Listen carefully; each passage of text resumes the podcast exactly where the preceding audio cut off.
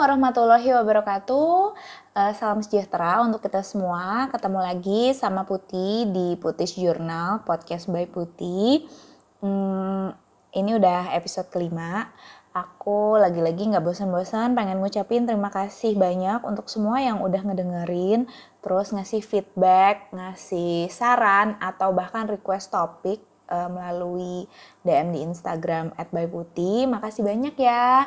Terus uh, makasih banget juga untuk teman-teman yang udah uh, nge-share. Jadi suka ada tuh di Instagram Stories uh, yang bilang ini lagi ngedengerin podcastnya By Putih. Makasih banget, it means a lot karena memang semakin banyak juga yang aware bahwa oh sebenarnya banyak konten yang bisa dinikmati secara audio gitu gara-gara podcast ini juga aku juga ke semakin ke sini tentu saja semakin ngedengerin berbagai macam podcast. Kalau dulu kalau sebelum-sebelumnya nih aku tuh cuman ngedengerin yang memang aku kenal kayak misalnya curhat babunya uh, Ibu Nucha dan Bapak Aryo, terus ngedengerin kejar paket pintarnya Mbak Laila dan Mbak Dara.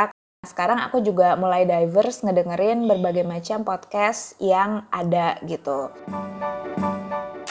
walaupun aku nggak merasa kepengen punya spesifikasi khusus untuk si uh, podcast by Putih ini, tidak bisa dipungkiri bahwa most of my audience yang udah ada dari uh, blog maupun mungkin dari sosial media yang lain itu adalah yang mungkin bisa relate sama aku sebagai ibu-ibu atau wanita yang lagi ada kegalauan dalam menghadapi transisi fase-fase hidup gitu. Makanya muncullah ide untuk membuat yang namanya podcast ibu-ibu.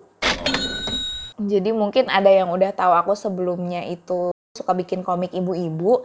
Nah, kalau yang sekarang podcast ibu-ibu ini nih mungkin aku akan lebih fokus kepada uh, si ibunya sendiri sebagai seorang perempuan bisa dibilang apa ya self enrichment. Kenapa? Karena uh, beberapa waktu yang lalu aku pernah ngobrol sama teman temen aku itu bilang bahwa sebenarnya ibu-ibu ini tuh diibaratkan teko yang harus mengisi cangkir-cangkir di sekelilingnya yaitu anak, suami, keluarga gitu. Kalau misalnya si ibunya ini sendiri tidak merasa penuh, tidak merasa bahagia, tidak merasa berdaya, tidak merasa mampu, atau bahkan mungkin demotivated, ya gimana dia bisa ngasih energi positif ke orang-orang di sekelilingnya, ya kan? Nah, makanya aku pikir self enrichment untuk ibu-ibu ini merupakan topik yang mungkin seru juga untuk dibahas di sini gitu.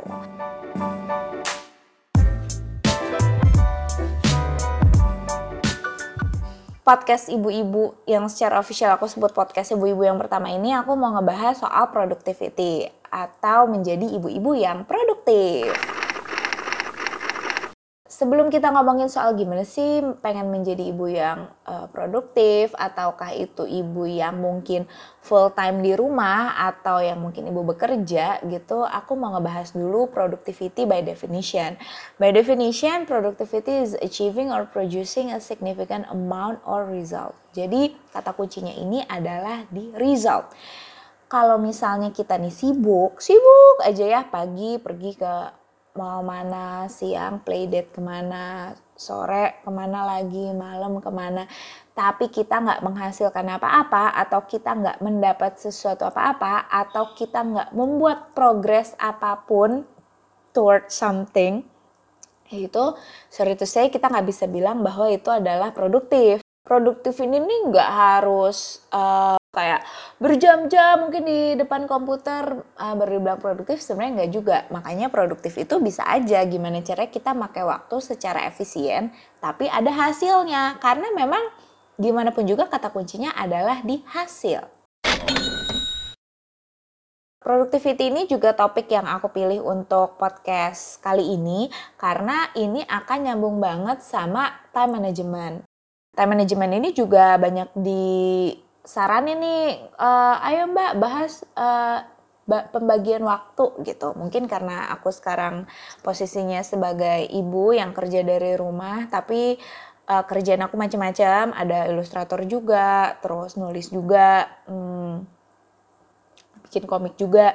Jadi ada beberapa yang gimana sih bagi waktunya gitu untuk bisa balance. Nah sebelum kita ngomongin time management, uh, kita balik lagi dulu nih ke soal produktif ke definisinya tadi, ketika kita ngomongin produktif kan berarti kita harus ngomongin hasil nih. Ketika kita ngomongin hasil, kita ini akan ngomongin sesuatu yang beda antara ibu yang satu dengan ibu yang lain. Mungkin uh, ada ibu yang bilang bahwa oh kalau gue dalam sehari ini bisa berolahraga sekian menit dan uh, gue bisa membakar kalori sekian kalori dan nanti hasilnya gue akan menurunkan berat badan uh, ya bisa aja itu dibilang produktif ya nggak sih? Atau ada ibu yang kalau misalnya ibu di rumah ya dia kepengen uh, anaknya ini nilainya bagus nilainya straight A ya jadi dia akan spend time untuk ngajarin anaknya dan ketika dia mengajarkan anaknya ya itu bisa disebut produktif nah kalau aku mungkin aku seorang uh, ilustrator, aku menyebut diri aku ilustrator, menyebut diri aku blogger ya berarti aku harus secara konsisten uh, bikin gambar gitu. Ya ketika aku berhasil bikin gambar atau membuat artikel ya itu yang aku sebut dengan aku produktif. Jadi apakah seorang seseorang itu bisa dinilai produktif atau enggak itu tentu saja tergantung dari goalsnya.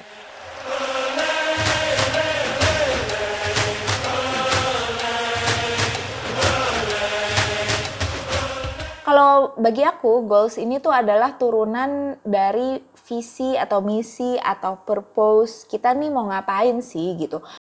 lima tahun lagi mau ngapain, 10 tahun lagi mau ngapain, nanti pensiun mau ngapain gitu. Nah, um, itu adalah uh, vision, itu adalah bagian dari vision. Kita ngeliat ke depan. Kalau aku biasanya goals itu aku tentuin di awal tahun, ketika tahun baru ketika orang-orang bikin resolusi tahun baru, nah di situlah aku menyusun goals aku. At, hmm, kalau di kantor mungkin disebutnya apa ya, objektif kali ya.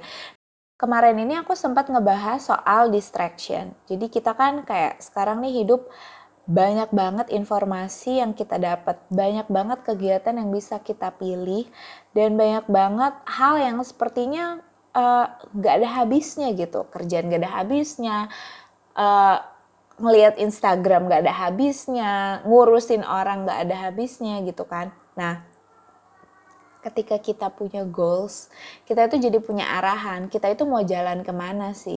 Dari arahan itulah baru kita bisa jadi punya dasar untuk memilih kegiatan apa sih yang harus gue lakukan, apa yang gak harus gue lakukan. Will it bring me closer towards my goal atau enggak gitu. Apakah ini malah akan uh, membuang-buang waktu gue sehingga goals yang sebenarnya mau gue capai malah nggak kesampaian.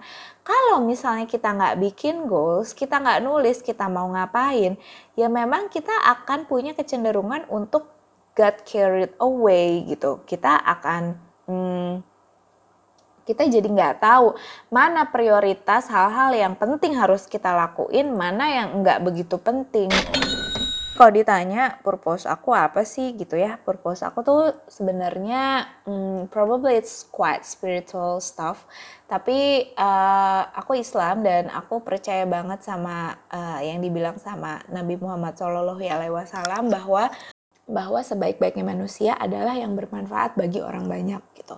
Jadi aku suka melihat aku suka mikir gitu purpose aku apa sih? gitu. Oh aku tuh kepengen jadi orang yang bermanfaat sebanyak-banyaknya bagi orang lain. Salah satu uh, cara untuk mewujudkan uh, purpose aku itu adalah aku ya suka sharing melalui konten entah itu melalui uh, sosial media atau melalui blog ya atau mungkin sekarang melalui podcast gitu. Dan dari situ aku bisa sebenarnya menyusun prioritas apalagi aku hidup di sosial media kan gitu. Ketika lupa nih ketika lupa goalsnya apa gitu. Gampang banget untuk uh, itu tadi aku bilang carried away. Akhirnya malah nge-scroll scroll akun-akun gosip. Uh, dan itu emang ngebuang waktu banget.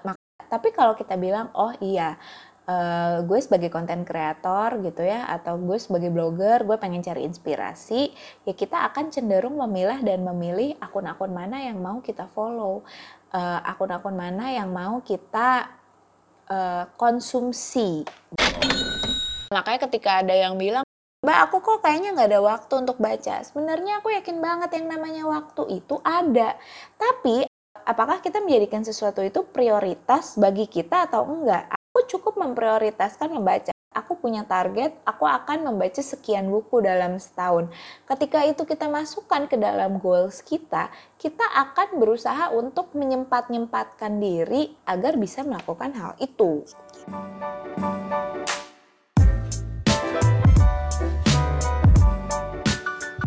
Itu makanya aku bilang kenapa soal setting goals, soal being productive ini tuh akan sangat nyambung banget sama time management.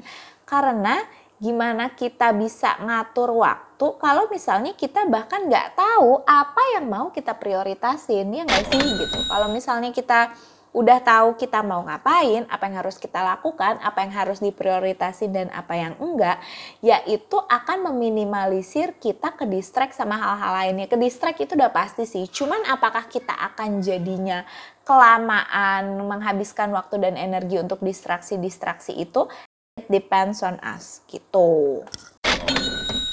Biasanya kalau kita ngomongin productivity ini, uh, setelah kita tahu goalsnya apa, lalu mungkin ada yang dicatat, ada yang ditempel. Kalau aku, aku kebetulan aku punya jurnal, aku taruhlah di jurnal aku itu.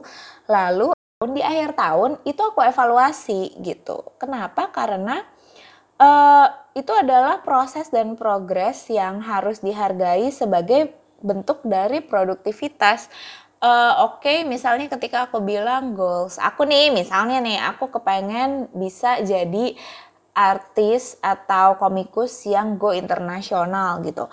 Ya mungkin itu nggak bisa dicapai dalam waktu setahun dua tahun kan, tapi kan kita berprogres ke arah sana gitu langkah-langkah sekecil apa pun yang menuju objektif kita atau goals kita atau purpose kita yaitu menurut aku bisa aku bilang sebagai bentuk dari produktivitas.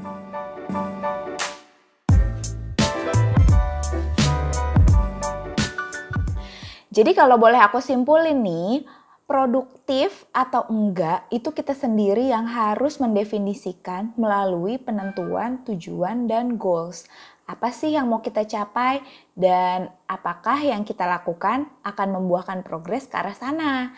Sekali lagi, tujuan orang tuh kan beda-beda, tapi yang pasti dengan menentukan arah dan tujuan, tahu kita mau ke mana, kita bisa menentukan mana yang prioritas dan mana yang distraksi. Gitu. Oke, kayaknya sekian dulu podcast ibu-ibu kali ini aku udah nimbang-nimbang sih kayaknya podcast-podcast yang akan aku publish uh, di Putis Jurnal podcast ini akan pendek-pendek, relatif pendek-pendek, kurang dari 20 menit. Karena uh, satu akunya juga ngomong sendirian, belum ada teman atau partner untuk kolaborasi. Dan yang kedua adalah um, kayaknya kalau udah lebih dari 20 menit takutnya teman-teman yang dengerin juga udah bosen dan gak konsen gitu. Jadi mendingan pendek-pendek tapi ya semoga lah ada manfaatnya. Uh, makasih untuk yang udah denger di next episode. Aku udah rencana untuk ngomongin soal time management. Silahkan kalau ada feedback di share ke paling gampang sih melalui Instagram ya gitu. Atau bisa juga ke email contact at byputih.com. Oke, okay, um, Wassalamualaikum warahmatullahi wabarakatuh.